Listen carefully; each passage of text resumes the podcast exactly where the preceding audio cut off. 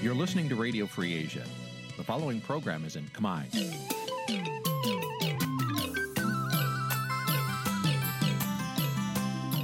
នេះជាកម្មវិធីផ្សាយ Vuthu Azizi Serai នេះជាកម្មវិធីផ្សាយរបស់ Vuthu Azizi Serai ជាភាសាខ្មែរ Vuthu Azizi Serai សូមស្វាគមន៍លោកអ្នកនាងទាំងអស់ពីរដ្ឋធានី Washington នៃសហរដ្ឋអាមេរិក យផ្ទាល់ពីរដ្ឋធានី Washington នេះខ្ញុំសកជីវីសូមជម្រាបសួរលោកអ្នកនាងកញ្ញាដែលកំពុងតាមដានការផ្សាយរបស់ Vuthu Azizi Serai ទាំងអស់ជាទីមេត្រីយើងខ្ញុំសូមជូនកម្មវិធីផ្សាយសម្រាប់យប់ថ្ងៃច័ន្ទ3រោចខែស្រាបឆ្នាំខាលចត្វាស័កពុរសករាជ2566ចាប់ត្រូវនៅថ្ងៃទី15ខែសីហាគ្រិស្តសករាជ2022ចាជាដំបូងនេះសូមអញ្ជើញលោកអ្នកនាង ស្ដាប់ព័ត៌មានប្រចាំថ្ងៃដែលមានមេត្តាដូចតទៅ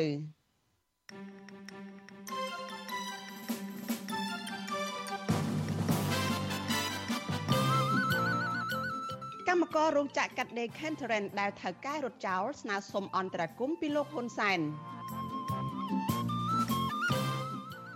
មន្ត្រីបកភ្លើងទៀនស្នើឲ្យអាជ្ញាធរចាប់ជនអនាមិកដែលបំផ្លាញស្លាកសញ្ញាគណៈបកនៅខេត្តព្រះសីហនុ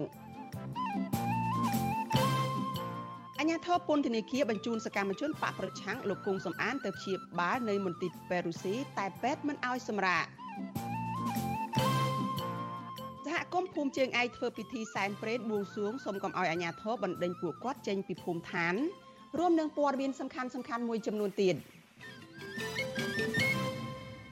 ចាជាបន្តទៅទៀតនេះនាងខ្ញុំសុជីវីសូមជូនព័ត៌មានទីនេះពឹស្ដា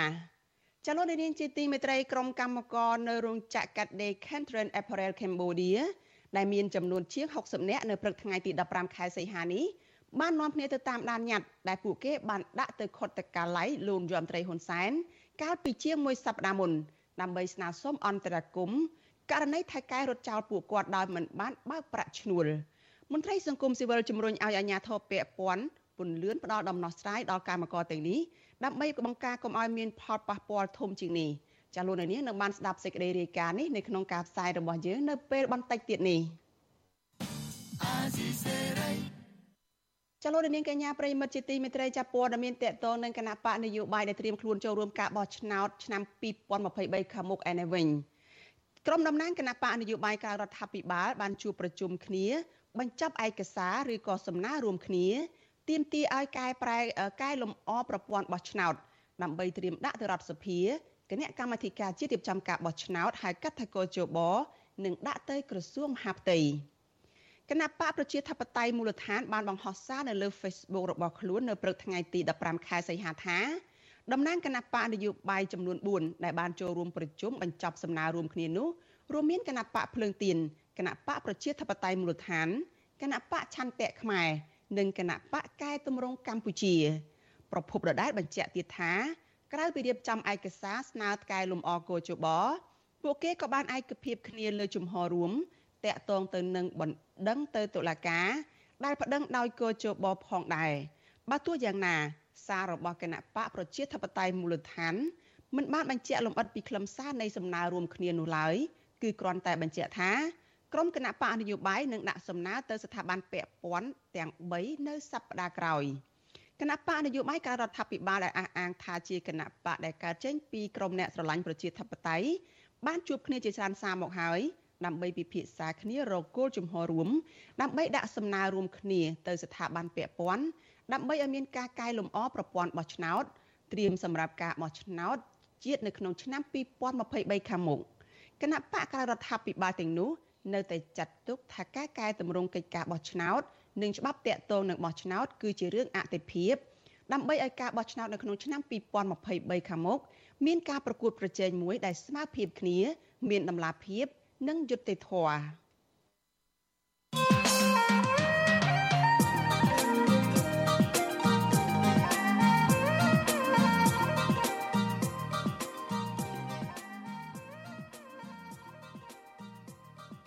ចាលោកនាងកញ្ញាប្រិយមិត្តជាទីមេត្រីចាំមកដល់ពេលនេះអ្នកមានមុខមាត់នៅក្នុងសង្គមអ្នកមានប្រាក់និងមានឥទ្ធិពលមួយចំនួនរួមទាំងសកម្មជនស្រឡាញ់បរិស្ថានផង ចាស់ស្រស់គ្នាចំណាយលុយ ចំណាយកម្លាំងនាំគ្នាទៅដាំកូនឈើឡើងវិញ នៅលើទំហំដីរាប់រយហិកតា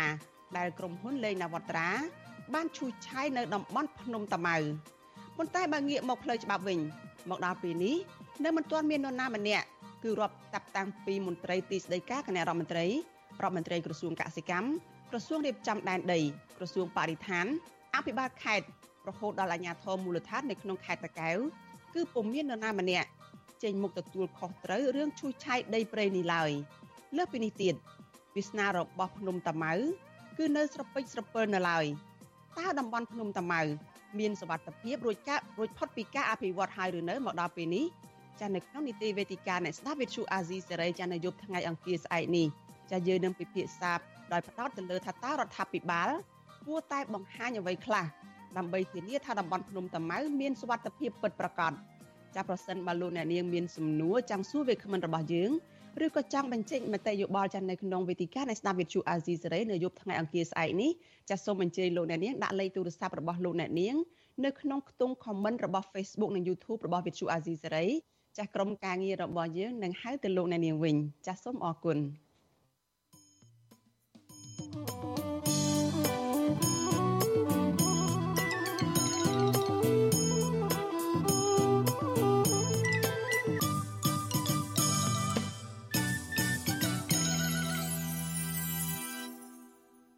ចាលោកនាងកញ្ញាប្រិយមិត្តជាទីមេត្រីចាយើងងាកមកព័ត៌មានតកតលនឹងក្រុមកម្មករនៅឯរោងចក្រ Cantarin Apparel Cambodia វិញ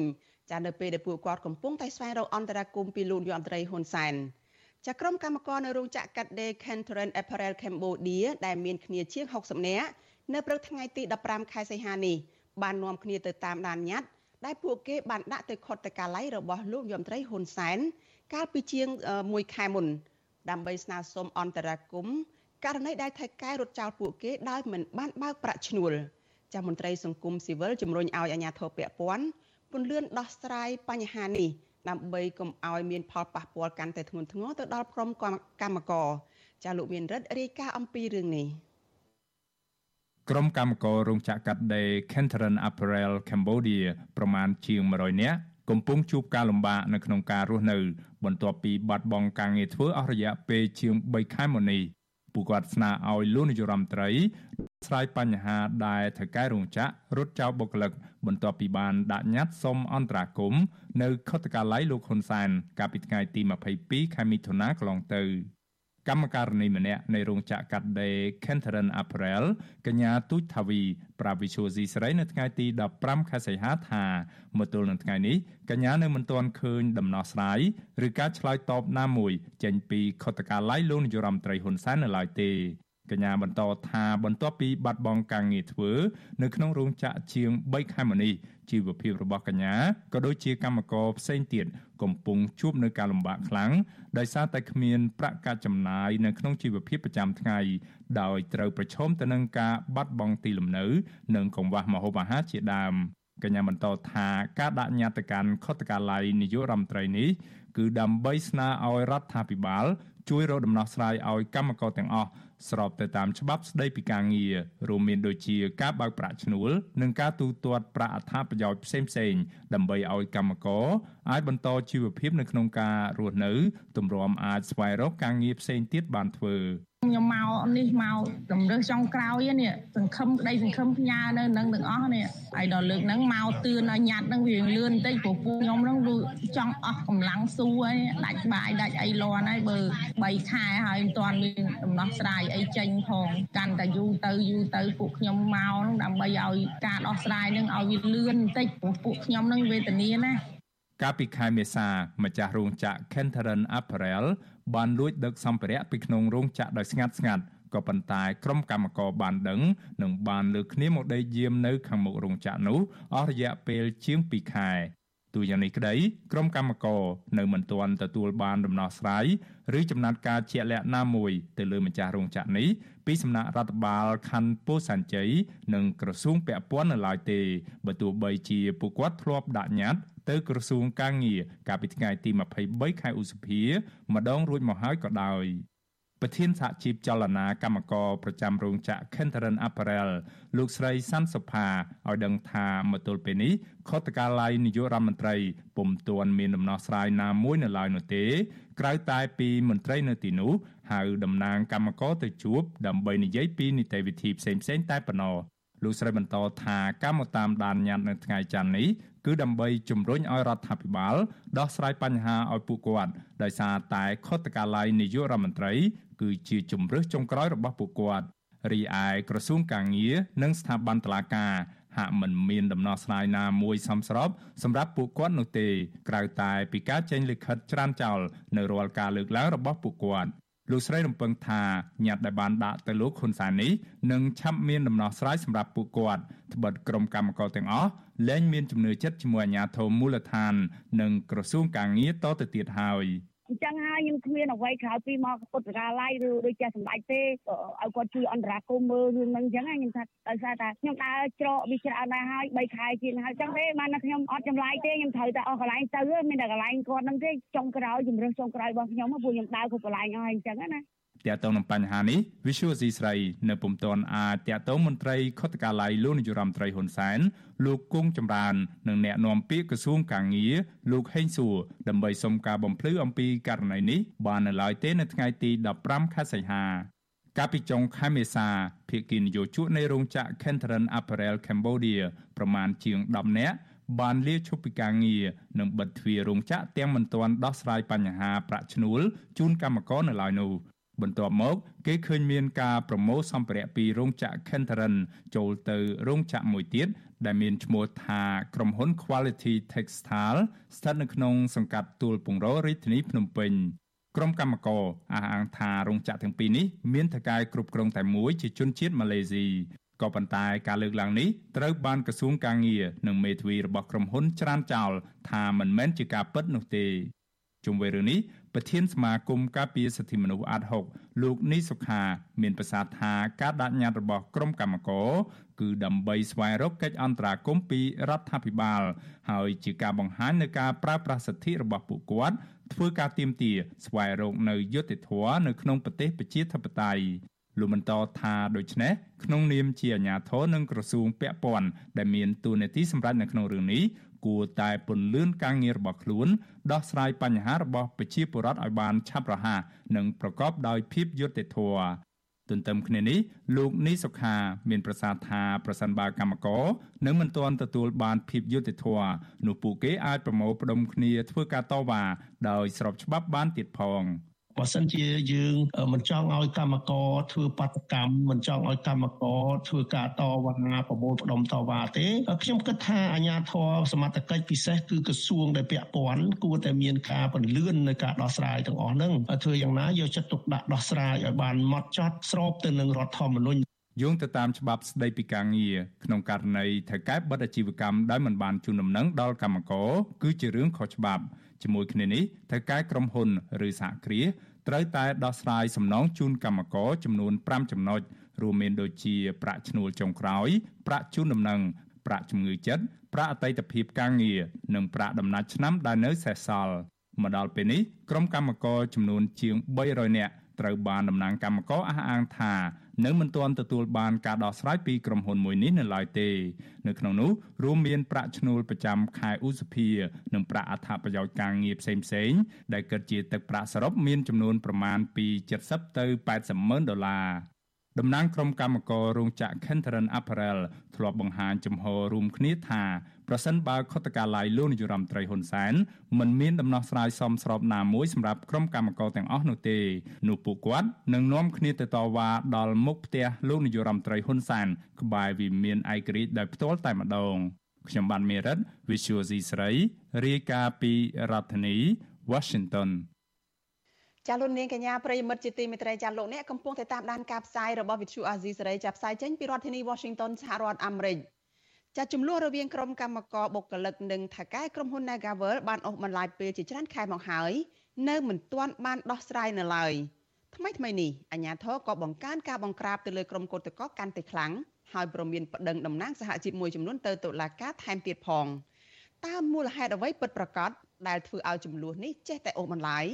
ហើយហេតុអ្វីបានជាអាជ្ញាធររាជធានីភ្នំពេញហាក់ចេញមុខការពារក្រុមហ៊ុន Nagavel បែបនេះ ចាសសូមអញ្ជើញលោកនាងរងចាំតាមដានការបកស្រាយរបស់អ្នកវិភាគនិងតំណាងសហជីពអំពីបញ្ហានេះនៅក្នុងការផ្សាយរបស់យើងនៅពេលបន្តិចទៀតនេះកុំបីខានចាលោកនាងកញ្ញាប្រិយមិត្តជាទីមេត្រីចាសេចក្តីរាយការណ៍ពីខេត្តប្រសិទ្ធហនុឯណោះឲ្យដឹងថាស្លាកគណៈបកភ្លើងទៀននៅក្រុងប្រសិទ្ធហនុត្រូវជន់អាណាមឹកលួចកាត់បំផ្លាញចោលនៅថ្ងៃទី13ខែសីហាកន្លងទៅមន្ត្រីគណៈបកភ្លើងទៀនយល់ថាការកាប់បំផ្លាញស្លាកគណៈបកនេះ គឺជាសញ្ញាគំរាមកំហែងនិងជំរុញទៅរដ្ឋាភិបាលថាគួរតែចាត់វិធានការឲ្យបានម៉ឺងម៉ាត់ទៅលើជនដែលប្រព្រឹត្ត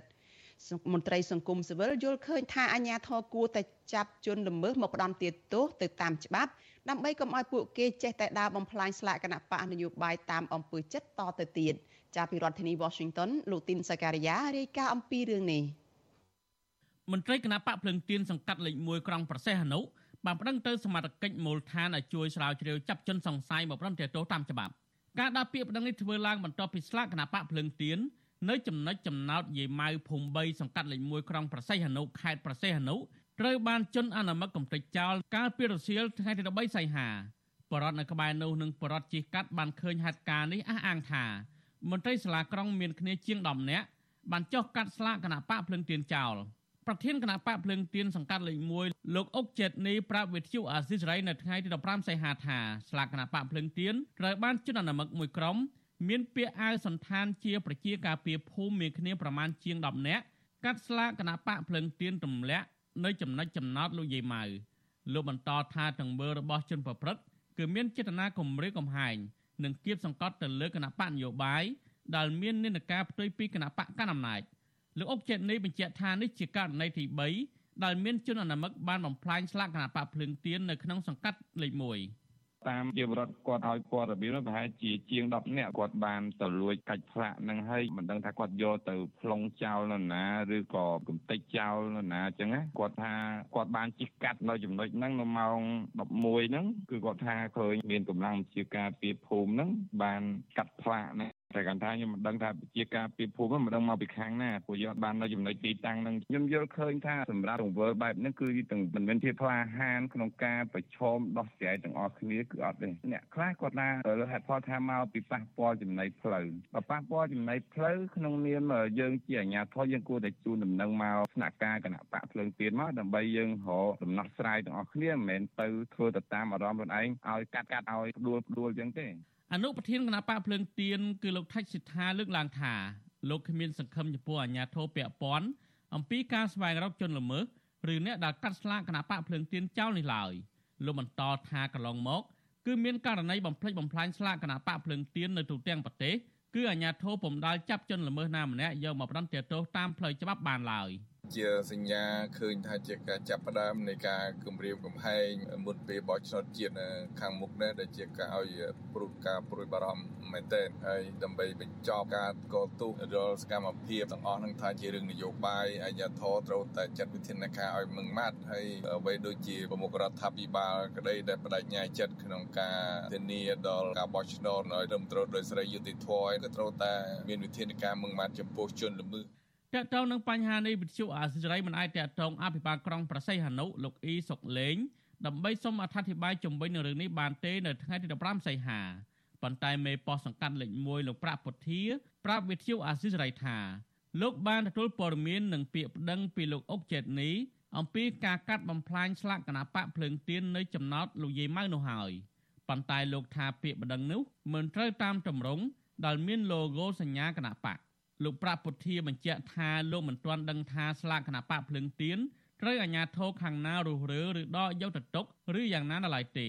ដល់រងចាំការសួរនាំពីមេភូមិនិងឃុំជាមុនសិន។ មកមានវិជាជនរាយការណ៍ថាមានវិជាការពី4អ្នកចុះទៅកាច់ខ្លះកាច់នេះខ្ញុំអត់ទាន់ទេបងចាំមើលតិចទៀតខ្ញុំនឹងជ្រាវជ្រាវសួរភូមិសួរចៅចង្កាព្រោះនេះការងារអាជ្ញាធរសម្រាប់នោះគេលោផ្លាកសញ្ញាគណៈបកនេះដាក់ចូលមកទៅជាបាទទៅវាអាចប៉ះពាល់ទៅសាធារណៈព្រោះខ្ញុំពលិសខ្ញុំធ្វើតែការងារព្រមទាន់ស្អែកគឺខ្ញុំធ្វើកំណត់ហេតុបណ្ដឹងគាត់តមកនឹងកំណត់ហេតុដែលយកហ្វមត្រេងក៏បាយធរបានខ្ញុំបញ្ជូនទៅលើបានអត្តការការឬមានការចាយើងអាចជូនទៅតុលាការបាន ជុំវិញនឹងរឿងនេះអ្នកសំសម្រួលសមាគមអាត6ខេត្តប្រសេះនៅអ្នកស្រីជីបសុធារីយល់ឃើញថាកន្លងមក មានករណីបែបនេះកើតឡើងជាបន្តបន្ទាប់ប៉ុន្តែអាជ្ញាធរមិនដាល់រកឃើញជនល្មើសឡើយអ្នកស្រីបន្តថាអ្នកស្រីតែងតែគាំទ្រនិងណែនាំដល់គណៈបញ្ញយោបាយឲ្យដាក់ពាក្យប្តឹងទៅកាន់សមាជិកនិងអាជ្ញាធរពាក់ព័ន្ធអ្នកស្រីបញ្ជាក់ថាគណៈបញ្ញយោបាយត្រូវតាក់ទងទៅស្ថាប័នបោះឆ្នោតនិងអាជ្ញាធរថាតើក្រោយការបោះឆ្នោតហើយ ត្រូវរុះរើស្លាកគណៈបកចេញ ឬយ៉ាងណា។ ខ្ញុំក៏បានជំរាបប្រាប់គាត់ដែរនៅពេលដែលគាត់ជូនព័ត៌មានមកខាងខ្ញុំខ្ញុំថាគាត់គួរតែដាក់បណ្ដឹងទៅសមត្ថកិច្ចសង្កាត់លេខ1ទៅប៉ុស្តិ៍រដ្ឋបាលសង្កាត់លេខ1ដើម្បីឲ្យគាត់ដឹងថាឥឡូវផ្លាកនៅកន្លែងនេះកន្លែងនេះវាត្រូវបានដួលលំហើយហើយតើអាការដាក់ផ្លាកនៅតាមទីសាធារណៈនឹងវាមានបញ្ហាអីដែរអត់ព្រោះឥឡូវវាបោះឆ្នោតហើយហ្នឹងគេគាត់ក៏ត្រូវតែជំរាបជូនដំណឹងដែរបើសិនថាឥឡូវផ្លាកទាំងអស់ហ្នឹងវាផុតរយៈពេលនៃការឃោសនាហើយឥឡូវឲ្យគណៈបកហ្នឹងគាត់ទៅដោះដូរឬផ្លាកឬអីឃោសនានឹងចេញអានឹងគួរតែជូនដំណឹងគាត់ដែរដើម្បីឲ្យវាច្បាស់លាស់កុំឲ្យវាមានបញ្ហាមន្ទិលរៀងរៀងខ្លួនជនមិនស្គាល់មុខបានលួចបដូរស្លាកគណបកភ្លើងទៀននៅខេត្តប្រសេះនុពីកន្លែងផ្សេងគ្នាស្ថិតនៅភូមិ2និងភូមិ3សង្កាត់លេខ1ក្រុងប្រសេះនុកាលពីថ្ងៃទី6និងថ្ងៃទី7មីនាកន្លងមកករណីដូចគ្នានេះក៏កើតមានឡើងដែរនៅរាជធានីភ្នំពេញខេត្តកំពង់ឆ្នាំងត្បូងឃ្មុំនិងខេត្តប៉ៃលិនក្នុងរូបភាពប្រហាក់ប្រហែលគ្នា គឺការលួចផ្ដួលស្លាកគណៈបកចោលនិងគម្រាមកំហែងបេក្ខជនចូលឈ្មោះសម្រាប់ការបោះឆ្នោតឃុំសង្កាត់ឲ្យគណៈបកភ្លើងទៀនជាដើមមន្ត្រីគណៈបកភ្លើងទៀននិងសង្គមស៊ីវិលយល់ឃើញថារដ្ឋាភិបាល និងអាជ្ញាធរពាក់ព័ន្ធត្រូវពង្រឹងកិច្ចការពារនិងសន្តិសុខក្នុងឃុំសង្កាត់ស្វែងរកជនល្មើសមកផ្ដន្ទាទោសដើម្បីលុបបំបាត់ការភ័ន្តច្រឡំនិងការចោទប្រកាន់ថាជាទង្វើរបស់អាជ្ញាធរនិងជៀសវាងការឆ្លើយតបយកតែរួចខ្លួននិងគ្មានដំណោះស្រាយដូចកន្លងមក ខ្ញុំធីនសាការីយ៉ាអស៊ីសេរីប្រធានីវ៉ាស៊ីនតោន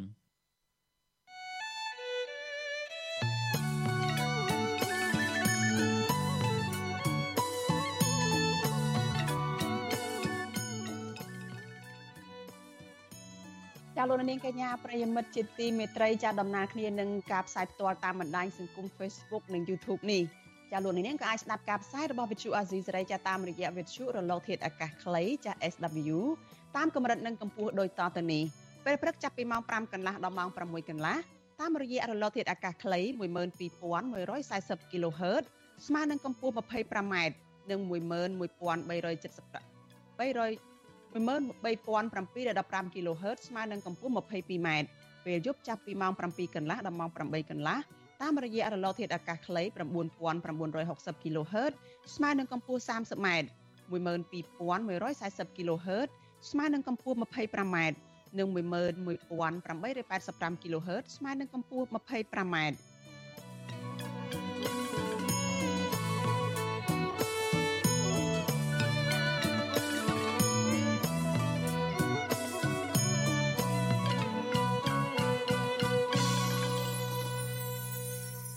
ចាលោកនាងកញ្ញាប្រិយមិត្តជាទីមេត្រីចាព័ត៌មានតកតនៅសកម្មជនគណៈបក សង្គ្រោះជាតិចាដែលកំពុងជាប់ឃុំនៅពន្ធនាគារឯនេះវិញមន្ត្រីពន្ធនាគារបានបញ្ជូនសកម្មជនគណៈបកសង្គ្រោះជាតិខេត្តត្បូងឃ្មុំលោកគង់សំអានឲ្យទៅពិនិត្យព្យាបាលជំងឺធ្មេញនៅមន្ទីរពេទ្យរុស្ស៊ីហើយក៏បាននាំលោកទៅពន្ធនាគារវិញនៅថ្ងៃច័ន្ទទី15ខែសីហានេះក្រោយពីមន្ត្រីគណៈបកប្រឆាំងរូបនេះបានធ្លាក់ខ្លួនឈឺធ្ងន់នៅជាច្រើនខែមកហើយនៅក្នុងបន្ទប់ឃុំឃាំងដែលចង្អៀតណែនមន្ត្រីសង្គមស៊ីវិលសាទរប៉ុន្តែជំរុញឲ្យអាជ្ញាធរយកចិត្តទុកដាក់ ផ្ដល់សេវាសុខភាពដល់ជនជាប់ឃុំឲ្យបានប្រសើរជាងនេះដើម្បីបញ្ជាការរិះគន់ផ្សេងផ្សេងពីសាធារណជនជុំវិញការរើសអើងផ្នែកនយោបាយដោយពួកគេសង្កេតឃើញថាអាជ្ញាធរបានយកចិត្តទុកដាក់ប្រសើរជាងនេះចំពោះអង្គញាអ្នកមានលុយមានអំណាចមួយចំនួនដែលជាអ្នកទោសឧក្រិដ្ឋទៅទៀតផងចាលោកជីវតាមានសេចក្តីរាយការណ៍អំពីរឿងនេះមន្ត្រីបកប្រឆាំងនៅស្រុកមេមត់ខេត្តត្បូងឃ្មុំលោកគង់សំអាន ដែលមានជំងឺលើសឈាមជំងឺដុសសាច់តម្រងនោមជំងឺក្រពះ ជាពិសេសជំងឺធ្មេញអស់រយៈពេលជិត1ឆ្នាំនៅក្នុងពន្ធនាគារព្រៃសរនោះបានទទួលការព្យាបាលជំងឺធ្មេញហើយនៅឯមន្ទីរពេទ្យមិត្តភាពខ្មែរសូវៀតនៅព្រឹកថ្ងៃច័ន្ទទី15ខែសីហាកូនស្រីរបស់លោកគង់សំអាន គឺកញ្ញាគង់មួយលី ប្រាប់វិទ្យុអាស៊ីសេរីថាឪពុករបស់កញ្ញាទទួលបានការព្យាបាលជំងឺធ្មេញ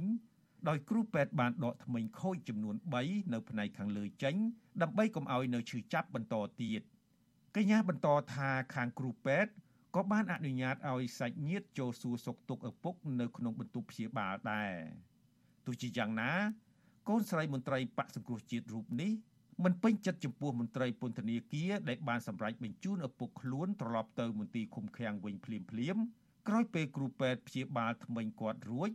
ដោយមិនអោយនៅសម្រាប់ពិនិត្យនិងព្យាបាលជំងឺផ្សេងទៀតនៅក្នុងមន្ទីរពេទ្យហេតុដូចនេះ កញ្ញាគង់មួយលីនៅតែព្រួយបារម្ភអំពីសុខភាពរបស់ឪពុកពីព្រោះគាត់មានវ័យចំណាស់និងមានជំងឺរ៉ាំរ៉ៃប្រចាំកាយច្រើនមុខដូច្នេះកញ្ញាស្នើដល់អាជ្ញាធរពន្ធនាគារឲ្យយកចិត្តទុកដាក់ថែទាំសុខភាពរបស់ឪពុកនាង។ គេគេតក់កហល់តក់កហល់ពេកមិនបានសម្រាកស្រួលបួរហើយអត់បានមើលជំងឺផ្សេងផ្សេងទៀតខ្ញុំខ្ញុំសោកស្ដាយដែរចំពោះរឿងហ្នឹងគាត់ពិបាកនឹងរស់នៅណាសូមមេត្តាជួយមើលថែរក្សាគាត់និងដោះលែងគាត់ឲ្យគាត់មានសេរីភាពវិញទៅពីព្រោះគាត់ចាស់ហើយគាត់ជាគ្រូបង្រៀនស្អាតស្អំម្នាក់ក្រៅពីលោកគង់សំអានក៏មានសកម្មជនបកប្រឆាំងមួយចំនួនទៀតដែលកំពុងធ្លាក់ខ្លួនឈឺដែរ ដូចជាលោកយឹមសារ៉េត លោកកៅថៃជាដើម ហើយរហូតមកដល់ពេលនេះមន្ត្រីពន្ធនាគារមិនទាន់ឲ្យពួកគាត់ទៅព្យាបាលជំងឺនៅមន្ទីរពេទ្យខាងក្រៅពន្ធនាគារនៅឡើយទេវិទ្យុអាស៊ីសេរីមិនអាចតាក់ទងแนะនាំពីអគ្គនាយកដ្ឋានពន្ធនាគារនៃក្រសួងមហាផ្ទៃលោកនុតសាវណ្ណាដើម្បីបញ្ជាក់ជុំវិញរឿងនេះបានទេ នៅថ្ងៃទី15ខែសីហាប៉ុន្តែកន្លងមកលោកនុតសាវណ្ណាធ្លាប់អះអាងថាអាញាធរពន្ធនាគារ តែងតែយកចិត្តទុកដាក់ពីបញ្ហាសុខភាពរបស់ជនជាប់ឃុំទាំងអស់ដោយមិនបណ្ដោយឲ្យជនជាប់ឃុំណាម្នាក់ធ្លាក់ខ្លួនឈឺធ្ងន់ធ្ងរនោះទេទោះជាយ៉ាងណា សកម្មជនសង្គមប្រជាពលរដ្ឋនិងអង្គការផ្នែកសិទ្ធិមនុស្សមួយចំនួនធ្លាប់បានរិះគន់អាជ្ញាធរក្រុងភ្នំពេញជុំវិញការអនុវត្តស្តង់ដារ2ចំពោះអ្នកជាប់ឃុំដែលក្រីក្រ និងអ្នកមានលុយអ្នកមានអំណាចចំពោះអ្នកជាប់ឃុំក្រីក្រ និងអ្នកទោសមនសិការ មិនងាយទទួលបានការអនុញ្ញាតឲ្យសម្រាប់ព្យាបាលនៅមន្ទីរពេទ្យខាងក្រៅឡើយបើទោះជាពួកគាត់មានជំងឺធ្ងន់ធ្ងរឬក៏បានស្នើសុំច្រើនដងបែបណាក្តីផ្ទុយទៅវិញអ្នកជាប់ឃុំដែលជាអ ுக ្រិតជន តែមានលុយឬមានអំណាចអាចទទួលបានការអនុញ្ញាតឲ្យសម្រាប់ព្យាបាលរយៈពេលវែងនៅមន្ទីរពេទ្យខាងក្រៅពន្ធនាគារជាឧទាហរណ៍អុកញ៉ាថោងសារ៉ាត់ ដែលត្រូវបានតុលាការក្រុងភ្នំពេញផ្តន្ទាទោសដាក់ពន្ធនាគារអស់មួយជីវិតក្នុងរឿងក្តីបាញ់សម្លាប់អុកញ៉ាអឹងម៉េងជឺកាលពីឆ្នាំ2015នោះបានជាប់ឃុំក្នុងពន្ធនាគារមិនដល់មួយសប្តាហ៍ផងរួចក៏ត្រូវបានគេបញ្ជូនមកស្នាក់នៅបន្ទប់ VIP ក្នុងមន្ទីរពេទ្យខាងក្រៅពន្ធនាគារវិញរហូតដល់សាលាឧទ្ធរសម្រេចដោះលែងឲ្យនៅក្រៅឃុំនៅខែវិច្ឆិកាឆ្នាំ2019រីឯបងប្រុសបង្កើតរបស់លោកគិតម៉េងគឺលោកគិតធៀងវិញ តុលាការក្រុងភ្នំពេញបានកាត់ទោសឲ្យជាប់ពន្ធនាគារ4ឆ្នាំ ក្នុងករណីជួញដូរគ្រឿងញៀនជិត50គីឡូក្រាមប៉ុន្តែលោកជាប់ឃុំបានប្រមាណកន្លះខែក៏ត្រូវបានគេបញ្ជូនឲ្យទៅស្នាក់នៅក្នុងបន្ទប់ VIP នៅមន្ទីរពេទ្យខាងក្រៅពន្ធនាគារដែររហូតដល់សាលាឧទ្ធរកាត់តម្រឹមទោសត្រឹម2ឆ្នាំ ហើយដោះលែងលោកនៅឆ្នាំ2021 នាយកទទួលបន្ទុកកិច្ចការទូតនៃអង្គការសិទ្ធិមនុស្សលីកាដូលោកអំសំអាត មានប្រសាសន៍ថាប្រសិនបើប៉ុស្តិ៍សុខភាពក្នុងពន្ធនាគារខ្វះថ្នាំព្យាបាលជំងឺឬគ្រូពេទ្យជំនាញនោះតាមច្បាប់អាជ្ញាធរពន្ធនាគារមានកាតព្វកិច្ចផ្ដល់សេវាពិនិត្យនិងព្យាបាលជំងឺឲ្យជនជាប់ឃុំនៅមន្ទីរពេទ្យខាងក្រៅដោយពុំចាំបាច់ក្រុមគ្រួសារឬមហាជនស្នើសុំអន្តរាគមន៍នោះទេលោកអំសំអាតបន្ថែមថា សង្គមស៊ីវិលគាំទ្រករណីបញ្ជូនសកម្មជនបកប្រឆាំងលោកគង់សំអាន ទៅព្យាបាលជំងឺធ្មេញនៅមន្ទីរពេទ្យខាងក្រៅពន្ធនាគារពេលនេះប៉ុន្តែលោកសោកស្ដាយដែលមន្ត្រីពន្ធនាគារមិនអោយសកម្មជនរូបនេះអាចទទួលបានព្យាបាលជំងឺផ្សេងទៀតឲ្យអស់សិនមុនបញ្ជូនគាត់ចេញពីមន្ទីរពេទ្យ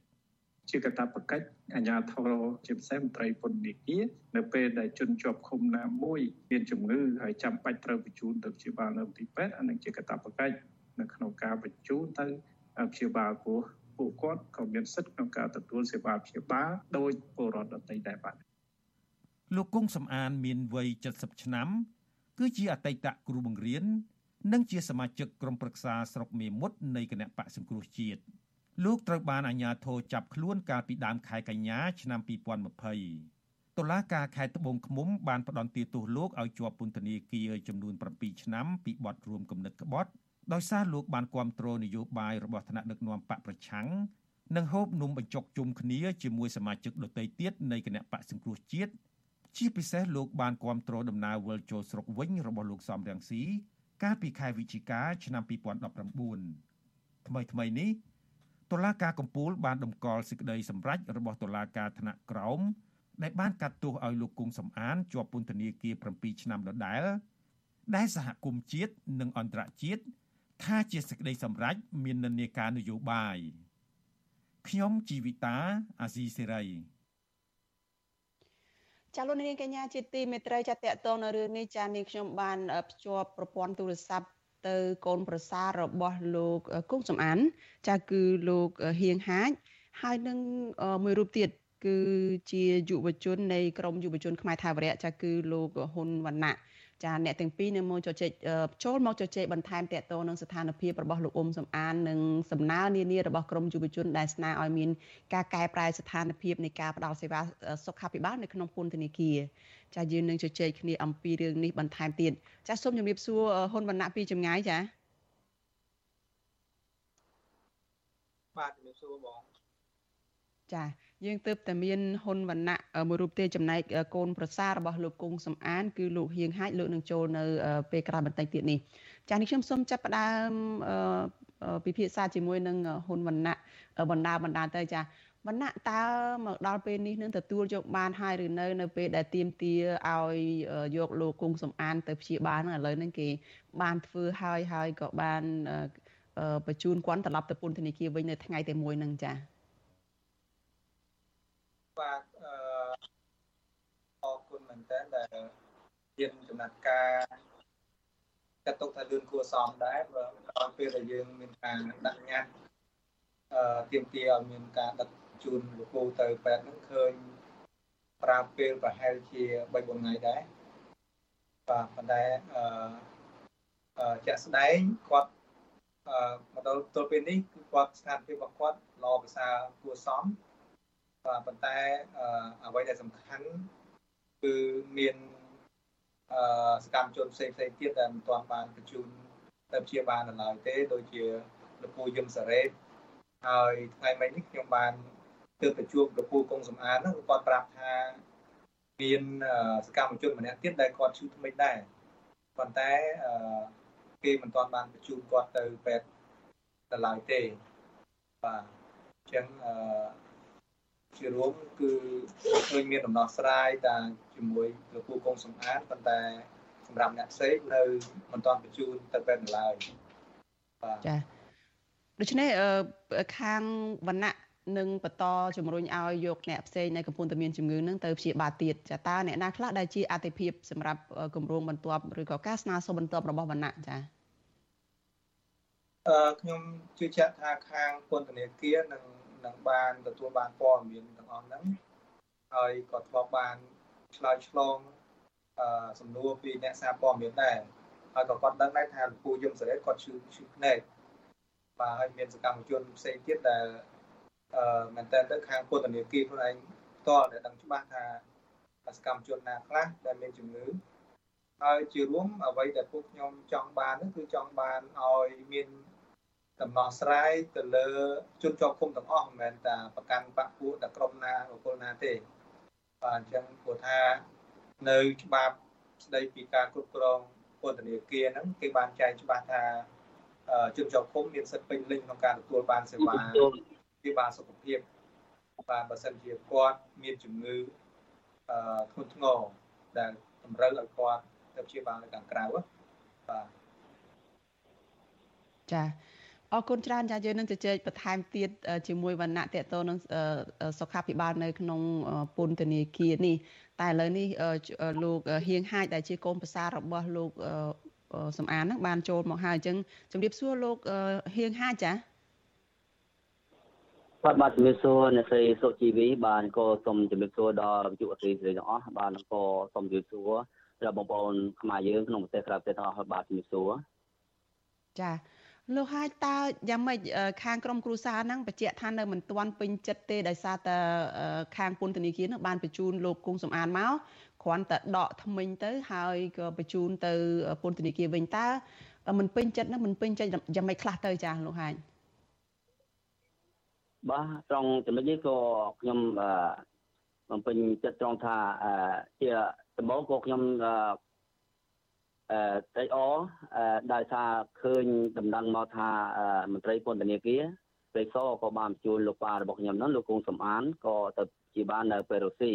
ហ្នឹងហើយក៏សូមអរគុណដល់នេះដែរបាទក្រសួងហាផ្ទៃលោកសកខេងបាទប៉ុន្តែដែលអ្វីដែលហួសចិត្តមែនតើនោះគឺអ្វីដែលគាត់មានជំងឺធ្ងន់ធ្ងរគឺជំងឺគាត់មានច្រើនបាទជំងឺគាត់នេះគឺដែលតាមដានមកគឺជំងឺគាត់ដុសសាច់ក្នុងទ្រងនោម ឈឺកាពះផងឈឺពោះវៀនហើយនឹងដូចឈាមហើយជាពិសេសនោះគឺមន្ត្រីពន្ធនាគារបានជួលគាត់ទៅថ្ងៃនេះទៅពន្ធនាគារទៅពេទ្យរុស្ស៊ីទៅដកថ្មិញថ្មិញគឺដែលដំណឹងដែលទទួលបានគឺដំណេដកអស់3បាទអញ្ចឹងខ្ញុំចង់ថាបញ្ហាចង់ឲ្យមន្ត្រីពន្ធនាគារគឺមើលយកចិត្តទុកដាក់នៅសុខភាពរបស់គាត់ ពីបញ្ហាការដកថ្មិញរបស់គាត់នេះគឺមានមានការធ្ងន់ធ្ងរបាទអញ្ចឹងมันអាចដកថ្មិញហើយជូនគាត់ទៅពន្ធនាគារវិញភ្លាមទេហើយសូមឲ្យមន្ត្រីពន្ធនាគារហ្នឹងគឺយកចិត្តទុកដាក់ឲ្យគាត់ព្យាបាលប្រហែលជាមួយអាទិត្យឬពីរអាទិត្យទៅដើម្បីយើងតាមដាននៅសុខភាពបាទអញ្ចឹងគឺថ្មិញនេះគឺធនធានយើងវាមានលក្ខណៈមួយអាចទទួលនៅរោងសម្ពាធគឺជំងឺខ្លាំងបាទយើងអាចមានបញ្ហាយើងកើតឡើងដោយមិនដឹងអឺអ្វីដែលយើងនឹកស្មានមកដល់គឺគាត់ដល់អាយុជីវិតក៏មានដែរអញ្ចឹង បាទអញ្ចឹងបាទខ្ញុំសូមថាត្រឹមពើឲ្យមន្ត្រីពាក់ព័ន្ធអញ្ចឹងទាំងអស់នេះគឺត្រូវគិតត្រូវថារកចិត្តទុកដាក់នៅលោកប៉ារបស់ខ្ញុំផងអញ្ចឹងបាទខ្ញុំពោលចិត្តក្នុងចំណុចហ្នឹងគឺមន្ត្រីផ្សេងផ្សេងអ្នកជាប់ទោសផ្សេងផ្សេងទៀតគេអាចសម្រាប់ជាបាច្រើនថ្ងៃបានប៉ុន្តែចំពោះលោកប៉ារបស់ខ្ញុំហេតុអ្វីក៏គ្រាន់តែដកថ្មិញ3ហើយ គឺមានសភាពធ្ងន់ធ្ងរអញ្ចឹងមន្ត្រីពន្ធនាគារក៏អត់យកចិត្តទុកដាក់នៅចំណុចនេះគឺជូនគាត់មកពន្ធនាគារវិញអញ្ចឹងចំណុចហើយដែលខ្ញុំកាត់សូមសុខចិត្តអញ្ចឹងណាចាបើតាមអ្វីដែលដូចលោកហ៊ុនវណ្ណៈបានលើកឡើងពីខាងដើមនោះគឺមិនមែនអ្នកជាប់ឃុំទាំងអស់ទេដែលមានសិទ្ធិឬក៏មានលទ្ធភាពអាចចេញមកព្យាបាលជំងឺឬក៏សម្រាករយៈពេលវែងនៅក្នុងមន្ទីរពេទ្យដើម្បីព្យាបាលជំងឺនៅខាងក្រៅហ្នឹងគឺអាចបាន កើតមានឡើងចំពោះតែអ្នកដែលមានលុយមានអំណាចមួយចំនួនប៉ុណ្ណោះចាលោកហ៊ុនវណ្ណៈតើលោកគង់សំអានអាចនឹងប្រឈមបញ្ហាអីខ្លះទេពេលដែលត្រឡប់ទៅពន្ធនាគារវិញនៅក្រៅពេលដែលដកថ្មិញរួចនឹងចាពេលដែលខ្ញុំបានជួបគាត់ថ្ងៃមិញមកប្រហែលជា3ជាងហ្នឹងក៏បានគាត់ក៏បានឆ្លើយប្រាប់ដែរថាអឺការដកថ្មិញនេះគឺគេដកថ្មិញគាត់អស់3គ្រាប់ ហើយគេមិនបានណាត់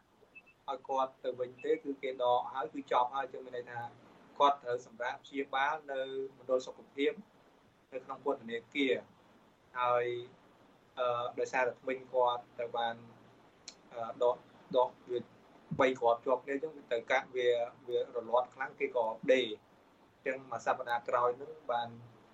ខាងពេទ្យគេថាឲ្យទៅមណ្ឌលសុខភាពហ្នឹងឲ្យគេកាត់ចេះចោលអញ្ចឹងអឺ ស្ថានភាពរបស់គាត់បើតាមខ្ញុំមិនមែនអ្នកជំនាញខាងពេទ្យទេប៉ុន្តែ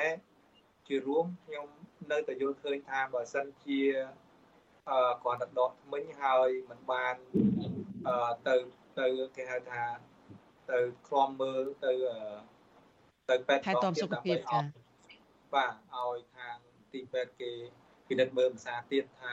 ស្ថានភាពនឹងវាយ៉ាងម៉េចឬមួយក៏ត្រូវតែដាក់ថ្មិញថ្មីឬក៏យ៉ាងម៉េច អាហ្នឹងខ្ញុំគិតថាវាគួរតែមានណាប៉ុន្តែបើសិនជាគ្រាន់តែបញ្ជូនគាត់មកពន្ធនាគារឲ្យព្យាបាលក្នុងមណ្ឌលសុខភាពដែលជាកន្លែងអត់មានអ្នកជំនាញដដែលខ្ញុំគិតថាអាចនឹងអាចនឹងមិនដឹងជាអាចមានភាគរយអាបានថាអាចវិញគាត់ត្រូវការព្យាបាលសារទៀតទៅនោះចា ចាចំពោះស្ថានភាពនៅក្នុងពន្ធនាគារនឹងលោកហ៊ុនវណ្ណៈបានលើកឡើងឲ្យថានឹងបន្តសកម្មភាពតទៅទៀតហើយចង់ធ្វើយ៉ាងណាឲ្យអាជ្ញាធរនឹងធានាផ្ដល់សេវាសុខាភិបាលទៅឲ្យអ្នកដែលជាប់ឃុំនឹងគឺដូចដូចគ្នាទៅកុំឲ្យមានភាពខុសគ្នារវាងអ្នកដែលមិនសូវមានប្រាក់មិនសូវមានមុខមាត់ជាមួយនឹងអ្នកដែលមានប្រាក់មានអំណាចនឹងចាលោកហ៊ុនវណ្ណៈតើ អ្វីខ្លះដែលធ្វើឲ្យនៅខាងពន្ធនាគារនឹងมันអាចផ្ដល់សេវាបានដូចដូចគ្នានឹងបានតើដោយសារតែពួកគាត់អ្នកដែលក្រីក្រនឹងក៏គ្មានប្រាក់សម្រាប់ផ្ដល់ឲ្យឬក៏មានអ្វីនៅពីក្រោយនឹងដែលលោកអាចមើលឃើញឬក៏អាចសន្និដ្ឋានបានចា៎អឺបទពិសោធន៍នៅខ្ញុំនៅក្នុងពន្ធនាគារនេះគឺយើងជួបតបណែខ្លះហើយនឹងបានទទួលព័ត៌មានពីអឺ មិត្តភ័ក្តិដែលជាសកម្មជនដូចគ្នាហ្នឹងដែលគាត់ធ្លាប់ដោយកាលមុនហ្នឹងបងគង់ម៉ាស់គាត់មានបញ្ហាអឺបញ្ហាឈឺធ្ងន់ធ្ងរក៏បញ្ជូនទៅក៏បានគេបញ្ជូនទៅដល់សុខភាពពន្ធនាគារហើយដូចបញ្ជូនទៅដល់ពេទ្យធំដែរហើយសេវានៅក្នុងនោះគឺមានបញ្ហាច្រើនមែនទែនអឺតែឫសគល់នៃបញ្ហាគឺគឺរឿងពុករលួយអញ្ចឹងយើងតែនិយាយតតគ្នាឲ្យថានៅក្នុងពន្ធនាគារនឹងមានអំពើពុករលួយច្រើនណាស់បាទហើយខ្ញុំគិតថាអឺបើទោះបីយើងខំកែយ៉ាងណាក៏មិនអាចកែបានដូចចិត្ត100%ទេប៉ុន្តែខ្ញុំជឿជាក់ថាការរិះគន់របស់សកម្មជននឹងនឹងអាចជួយបានកែប្រែបានយ៉ាងហោចណាស់ក៏អឺ20ទៅ30%ទៅហើយជាពិសេសនោះថ្នាក់ដឹកនាំធំធំហ្នឹង គាត់នៅតែឆ្ងាយហើយគាត់បានដឹងថាមន្ត្រីថ្នាក់ក្រោមគាត់ពុករលួយរបៀបណាហ្នឹងអញ្ចឹងខ្ញុំចង់ជម្រាបជូនទៅគាត់ថាអឺនៅក្នុងពន្ធនាគារតកតននឹងសេវាសុខភាពពន្ធនាគារនេះគឺគេចែកគេអាចគេមិនអនុវត្តទៅលើជនជាប់ឃុំស្មើភាពនេះទេគឺគេចែកវាមានស្តង់ដាររបស់គេអ្នកដែលមានលុយគឺគេធ្វើផ្សេងអ្នកដែលអត់លុយគេធ្វើផ្សេងអញ្ចឹងអឺ សូម្បីតានៅមណ្ឌលសុខភាពហ្នឹងក៏ក៏មានការបង់លុយហើយបើបើសិនជានៅអឺទៅស្នាក់នៅនៅពេទ្យធំហ្នឹងក៏មានគេមានសេវាបង់លុយគេដែរលុយក្រោមតុងហ្នឹងណាហើយគេមានហាងឆេងមកគេបាទហាងឆេងហ្នឹងខ្ញុំមិនមិននិយាយខ្ញុំដឹងតម្លៃតែខ្ញុំមិននិយាយព្រោះវាវាឡើងចុះឥឡូវវាមិនដើរឡើងចុះដល់វាមិនណា ប៉ុន្តែជារួមតែព្រួលតាមទីផ្សារបាទអ្នកតូធម្មតាគឺសេវាសុខភាពផ្សេងគេផ្ដល់ឲ្យផ្សេងអ្នកតូខ្មែរយើងដែលមានលុយហ្នឹងគេផ្ដល់សេវាសុខភាពផ្សេងប៉ុន្តែបើជនជាតិចិនដែលដែលលុយខ្លាំងហ្នឹងគឺសេវាផ្សេងទៀតហ្នឹងហើយអញ្ចឹងពាក់ព័ន្ធនឹងអាបញ្ហាហ្នឹងខ្ញុំលើកទឹកចិត្តឲ្យមានការស្រាវជ្រាវឲ្យកែលម្អឲ្យបានល្អឡើងវិញជាជាងដែលអឺ ប៉ះពាល់ទៅដល់អាយុជីវិតជនជាប់ឃុំហើយខ្ញុំមើលឃើញជនជាប់ឃុំដែលនៅក្នុងពន្ធនាគារនេះមានអឺប្រឈមនឹងការគ្រោះថ្នាក់ដល់អាយុជីវិតច្រើនបើសិនជាគាត់មានបញ្ហាសុខភាពឬមួយក៏ជំងឺប្រចាំកាយនៅក្នុងហ្នឹងណាហើយខ្ញុំនិយាយនេះគឺខ្ញុំមានបទពិសោធន៍ផ្ទាល់ដែលជនជាប់ឃុំនៅក្នុងបន្ទប់ខ្ញុំហ្នឹងគឺគាត់ដោយសារខ្ញុំមិនមែនពេទ្យជំនាញប៉ុន្តែយើង ដែលថាយើងមិនគួរឲ្យជឿដល់ថាគាត់មានកម្លាំងកាយសុខភាពល្អធម្មតាប៉ុន្តែដោយសារតែគាត់ឈឺហើយបញ្ជូនទៅមណ្ឌលសុខភាពផ្នែកឡើងគឺបាត់មានន័យថាបាត់បង់អាយុជីវិតបាត់បង់អាយុជីវិតហើយអត់បានបញ្ជូនគាត់ទៅទីពេទ្យធំទេអញ្ចឹងហើយអារឿងអានឹងរឿងមួយហើយរឿងមួយទៀតពេលដែលគាត់បាត់បង់អាយុជីវិតហើយខាងមន្ត្រីពន្ធនាគារហ្នឹងហៅប្រធានបន្ទប់ ស្ងាត់ស្ងាត់ហ្នឹងដែលនៅក្នុងបន្ទប់ក្នុងពន្ធនាគារហ្នឹងគេមានបន្ទប់របស់គេណាគេមានប្រធានបន្ទប់របស់គេហ្នឹងអញ្ចឹងគេហៅប្រធានបន្ទប់ហ្នឹងទៅនិយាយហើយក្នុងន័យថាហាមនិយាយរឿងរ៉ាវទាំងអស់ហ្នឹងទៅទៅកម្មសកម្មជនដទៃហើយជាពិសេសហ្នឹងគឺគេឲ្យសញ្ញេព្រឹត្តមេដៃទៅលើអាគេហៅរបាយការណ៍សុខភាពមរណភាពហ្នឹងណាអញ្ចឹងខ្ញុំថាវាមានរឿងរ៉ាវគេហៅថា អឺព្យាយាមបិទព័ត៌មានបើសិនជាមានករណីស្លាប់ព្រោះថានៅក្នុងពន្ធនាគារវាមានច្បាប់របស់គេបើសិនជាអ្នកនឹងមានជំងឺត្រូវតែអឺអ្នកដែលមានទូនាទីមើលថែជំងឺនោះត្រូវតែយកចិត្តទុកដាក់ហើយបើស្ថានភាពធ្ងន់តែតម្រូវឲ្យបញ្ជូនទៅពេទ្យធំត្រូវតែមានទៅបញ្ជូនទៅពេទ្យឲ្យលឿនព្រោះទាំងត្រីស៊ីបាខែនិងឡានហើយសាំងគេមានទាំងអស់អញ្ចឹងអឺ ប៉ុន្តែដោយសារតែមានអង្គើពុករលួយហ្នឹងគឺគេបែងចែកឲ្យគេមិនសូវខ្វាយខ្វល់ពីអ្នកដែលអត់លុយហ្មងទេអញ្ចឹងខ្ញុំថារឿងនេះវាអនុធមមែនតើដែលកើតឡើងជាមួយជនជាប់ឃុំហើយជាពិសេសនោះគឺខ្ញុំមានការសោកសង្វេគមែនតើដែលសកម្មជនមានសកម្មជនសង្គមសកម្មជននយោបាយរបស់យើងនៅក្នុងពន្ធនាគារហ្នឹងជាច្រើនអ្នក50 60អ្នកហ្នឹងគឺភាគច្រើនពួកគាត់មានអាយុច្រើនហើយមានជំងឺប្រចាំកាយដូចជាលើឈាម អីផ្សេងផ្សេងហ្នឹងអញ្ចឹងប៉ុន្តែលោកហ៊ុនវណ្ណៈសំកាត់ប្រសាសន៍កន្លែងហ្នឹងពួកគាត់អឺអ្នកដែលជាប់ឃុំដោយសារតែរឿងនយោបាយនេះអឺមានអឺ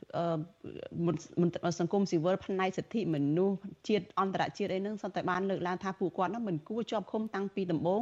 ពីព្រោះពួកគាត់ហ្នឹងគ្រាន់តែបានបានបញ្ចេញមតិបានអនុវត្តសិទ្ធិសេរីភាពរបស់ពួកគាត់គឺជាសិទ្ធិសេរីភាពរបស់ពលរដ្ឋសិទ្ធិចូលរួមនយោបាយអញ្ចឹងពួកគាត់មិនគួរមានទោសទេហើយឥឡូវនេះហ៊ុនវណ្ណៈដូចជាងាកទៅបញ្ហាដោះស្រាយបញ្ហាសុខភាពរបស់ពួកគាត់នៅក្នុងពន្ធនាគារចុះ តើมันបានគិតគូរឬក៏มันបានយកចិត្តទុកដាក់ទេរឿងដែលពួកគាត់ជាប់ទោសដែលលើកឡើងថាជាប់ទោសដោយអយុត្តិធម៌ហ្នឹងចាឬក៏ព្រមព្រៀងថាយ៉ាងម៉េចរឿងហ្នឹងចានិយាយទៅយើងយើងមានជំរឿនច្រើនក្នុងការ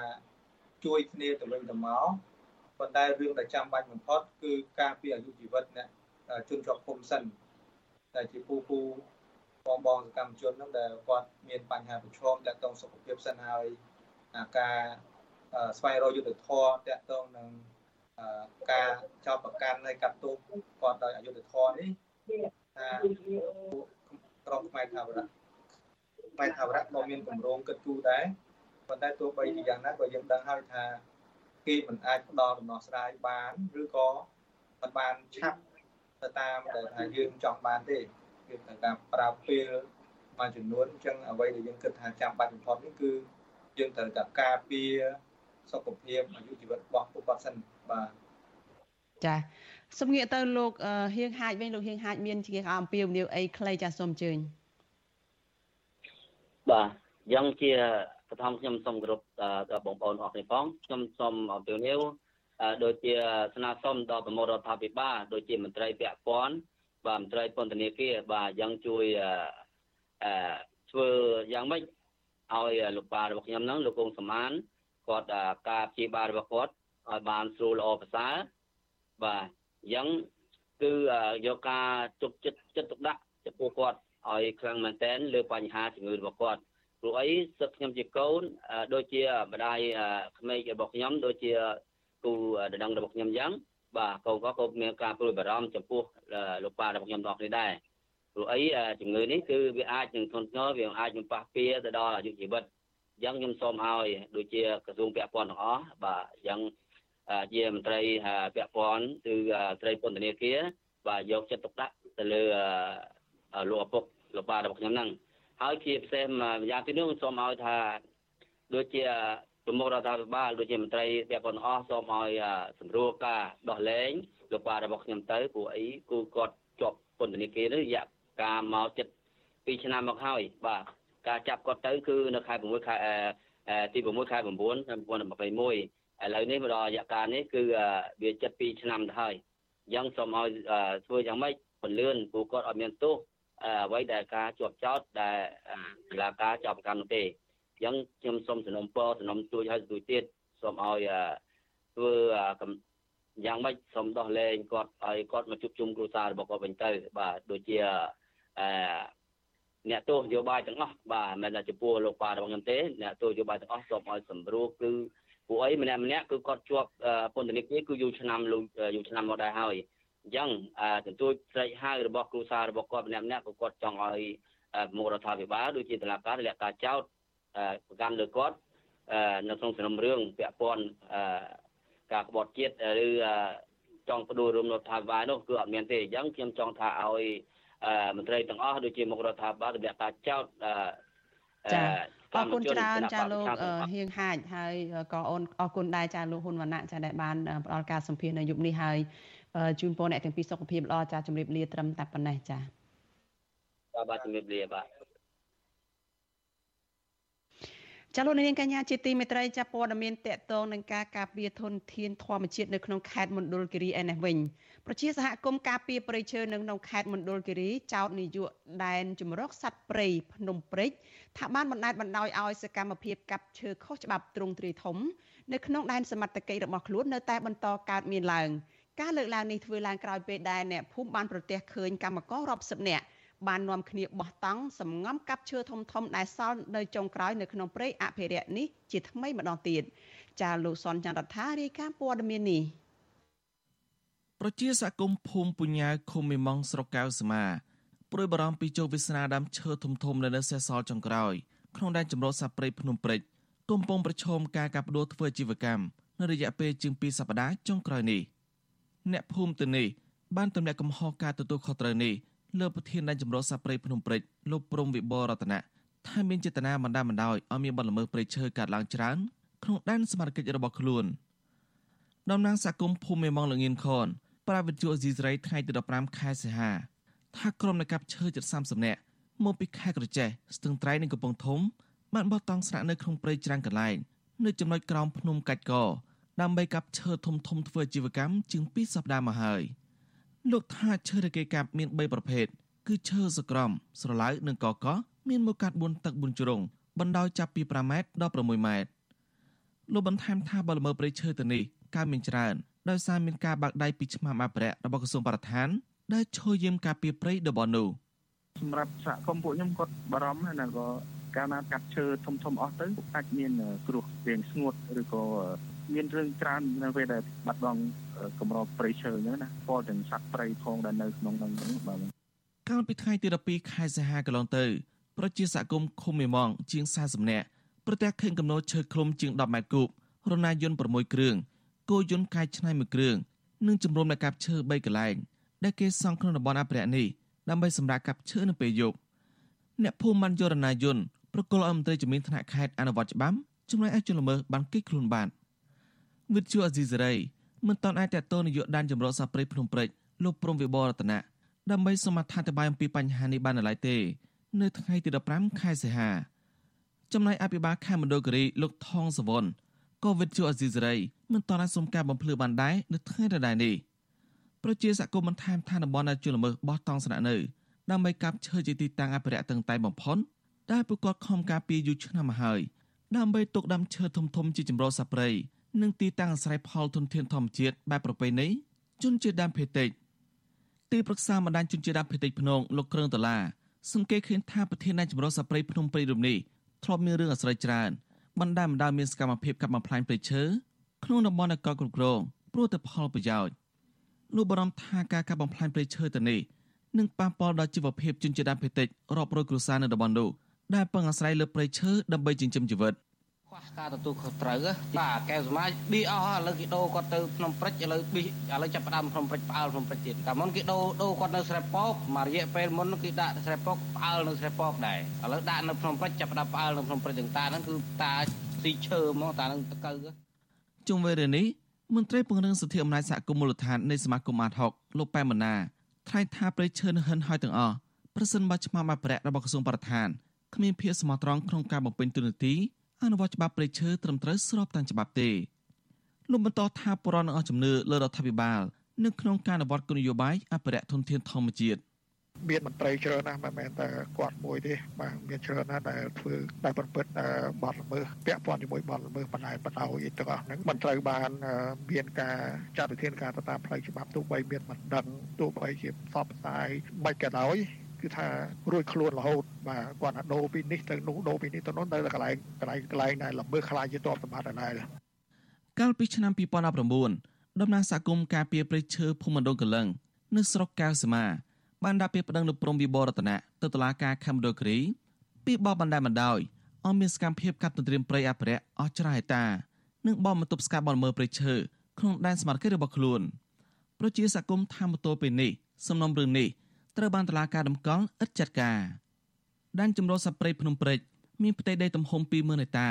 ទទួលស្គាល់ដោយប្រជាក្រិតកាលពីឆ្នាំ1993ស្ថិតនៅចន្លោះដែនចម្រុះសព្រៃស្រែពកនិងដែនចម្រុះសព្រៃកៅសមាក្នុងស្រុកកៅសមាខេមរដូគិរីក្រសួងប្រធានចាត់ទុកតំបន់អភិរក្សនេះថាជាបណ្ដុំសត្វព្រៃកម្ររនៅដែលមានរុក្ខជាតិកម្រច្រើនប្រភេទផ្ដល់ផលប្រយោជន៍ផ្នែកវប្បធម៌និងសេដ្ឋកិច្ចទ្រទ្រង់ជីវភាពជនជាតិដើមភាគតិចរាប់ពាន់គ្រួសារនៅតំបន់នោះ ខ្ញុំសនចាររថាវិទ្យុអេស៊ីសេរីរាយការណ៍ពីរដ្ឋធានីវ៉ាស៊ីនតោន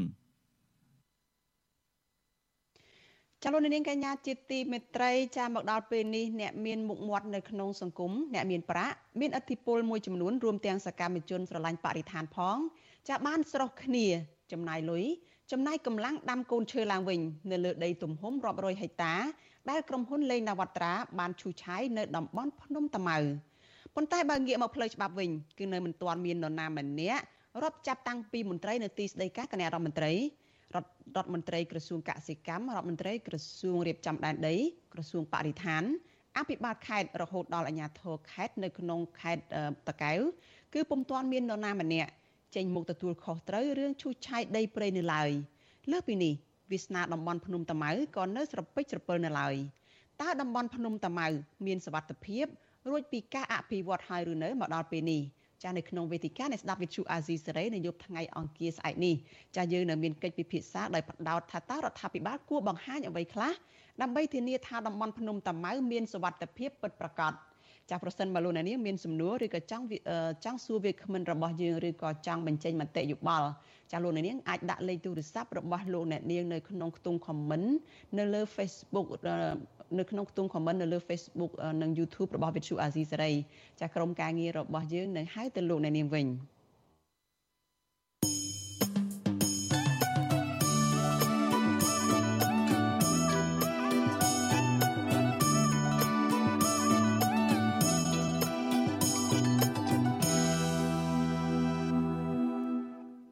ចាលោកនាងកញ្ញាប្រិយមិត្តជាទីមេត្រីចាលោកអ្នកកំពុងតែតាមដានការផ្សាយរបស់ Vithu Azizi សេរីចាប់ផ្សាយចេញពីរដ្ឋធានី Washington សហរដ្ឋអាមេរិក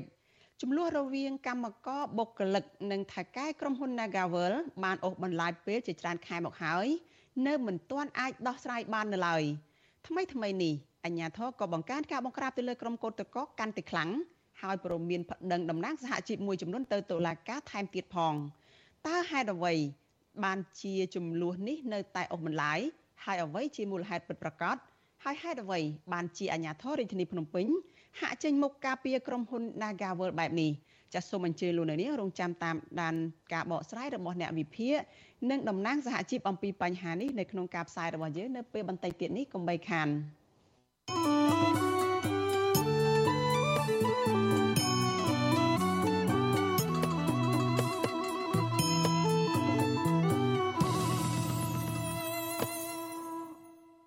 ចាលោកនាងកញ្ញាប្រិយមិត្តជាទីមេត្រីចាព័ត៌មានដាច់ដោយឡែកមួយទៀតប្រជាសហគមន៍តាតកមានចំនួនជាង30គ្រួសារបាននាំគ្នាធ្វើបុណ្យនឹងសែនព្រិនសុំសេចក្តីសុខចម្រើនបញ្ជាការបណ្ដឹងចេញដោយបង្ខំប្រជាសហគមន៍ទាំងនោះរស់នៅក្នុងភូមិជើងឯកខណ្ឌដង្កោរាជធានីភ្នំពេញពួកគេបានជួបជុំគ្នានៅក្នុងភូមិកាលពីព្រឹកថ្ងៃទីកាលពីថ្ងៃទី14ខែសីហាដើម្បីរៀបចំពិធីប្រពៃណី ក្នុងបំណងបន្ទន់ចិត្តអាជ្ញាធររាជធានីភ្នំពេញនិងរដ្ឋាភិបាលអនុញ្ញាតឲ្យពួកគាត់តាំងទីលំនៅនៅតំបន់នោះដោយសុខសាន្តតំណាងសហគមន៍លោកឡៃសុកប្រាប់វិទ្យុអាស៊ីសេរីនៅថ្ងៃទី15ខែសីហាថា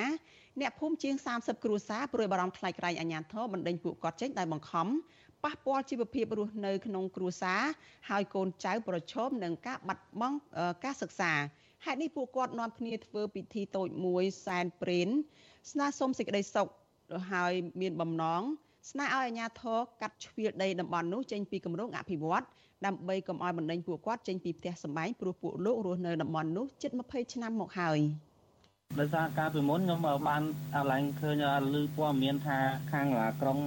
ពួកខ្ញុំនឹងនៅលើដីរដ្ឋចឹងចឹងបានខ្ញុំធ្វើបនសុំដីសុកនឹងបងសុំដីសុកឲ្យសុំទ្វាចេញពីពីការអភិវឌ្ឍដីក្នុងសហគមន៍ចឹងណា ចាស់វិទ្យុអាស៊ីសេរីមិនអាចតាក់ទងសុំការបំភ្លឺរឿងនេះពីអភិបាលរាជធានីភ្នំពេញលោកខួងស្រីបានទេនៅថ្ងៃទី15ខែសីហានេះតែយ៉ាងណាអភិបាលរាជធានីភ្នំពេញរូបនេះធ្លាប់និយាយនៅចំពោះមុខពលរដ្ឋថាមិនអាចឲ្យពលរដ្ឋរស់នៅតំបន់នោះបានទេដោយត្រូវប្រើរក្សាជាដីសហគមន៍ដោយទុកធ្វើប្រឡាយទំហំ3ម៉ែត្រលោកថាតំបន់ដែលពលរដ្ឋរស់នៅជាដីចំណីផ្លូវផ្លូវរបស់រដ្ឋដែលប៉ះចំកន្លែងអភិវឌ្ឍរបស់អាជ្ញាធរក្រុងដើម្បីរំដោះទឹកភ្លៀង។ ចាកាលពីចុងខែឧសភាឆ្នាំ2022អភិបាលរាជធានីភ្នំពេញលោកខួងស្រេងបានផ្ញើលិខិតមួយសន្លឹកដាក់ជូនរដ្ឋមន្ត្រីក្រសួងមហាផ្ទៃលោកសខេងបង្ហាញពីមូលហេតុសំខាន់ដែលចាំបាច់ត្រូវអភិវឌ្ឍនៅតំបន់ដែលមានប្រជាពលរដ្ឋជាង30គ្រួសារកំពុងរស់នៅនៅលើដីមាត់ប្រឡាយ3ម៉ែត្រដែលប្រឡាយនេះគឺជាកន្លែងរំដោះទឹកចេញពីក្រុងចាជុំវិញរឿងនេះអ្នកសម្របសម្រួលផ្នែកធុរកិច្ចនិងសិទ្ធិមនុស្សរបស់មជ្ឈមណ្ឌលសិទ្ធិមនុស្សកម្ពុជាពន្យល់ថាប្រជាពលរដ្ឋដែលរស់នៅ រយៈពេល20ឆ្នាំហើយនោះអាជ្ញាធរគួរតែផ្ដល់ដំណោះស្រាយដូរដីនៅតំបន់ណាមួយដោយពួកគាត់ដើម្បីឲ្យពួកគាត់រស់នៅសមរម្យនិងថ្លៃថ្នូរចាលោកនាងជាទីមេត្រីចាចំពោះលោកនាងដែលកំពុងតាមដានការផ្សាយរបស់វិទ្យុអាស៊ីសេរីចាតាមរយៈវិទ្យុរលកធាតុអាកាសខ្លីចានេះខ្ញុំសូមជម្រាបលាលោកអ្នកត្រឹមតែប៉ុណ្ណេះប៉ុន្តែចំពោះលោកនាងដែលកំពុងតែតាមដានការផ្សាយរបស់យើងតាមបណ្ដាញសង្គម Facebook និង YouTube ចាសូមបន្តតាមដានការផ្សាយរបស់យើងជាបន្តទៅទៀត ចាជាបន្តទៅទៀតនេះលោកទីនសាការីយ៉ានឹងមានសម្ភារផ្ទាល់មួយ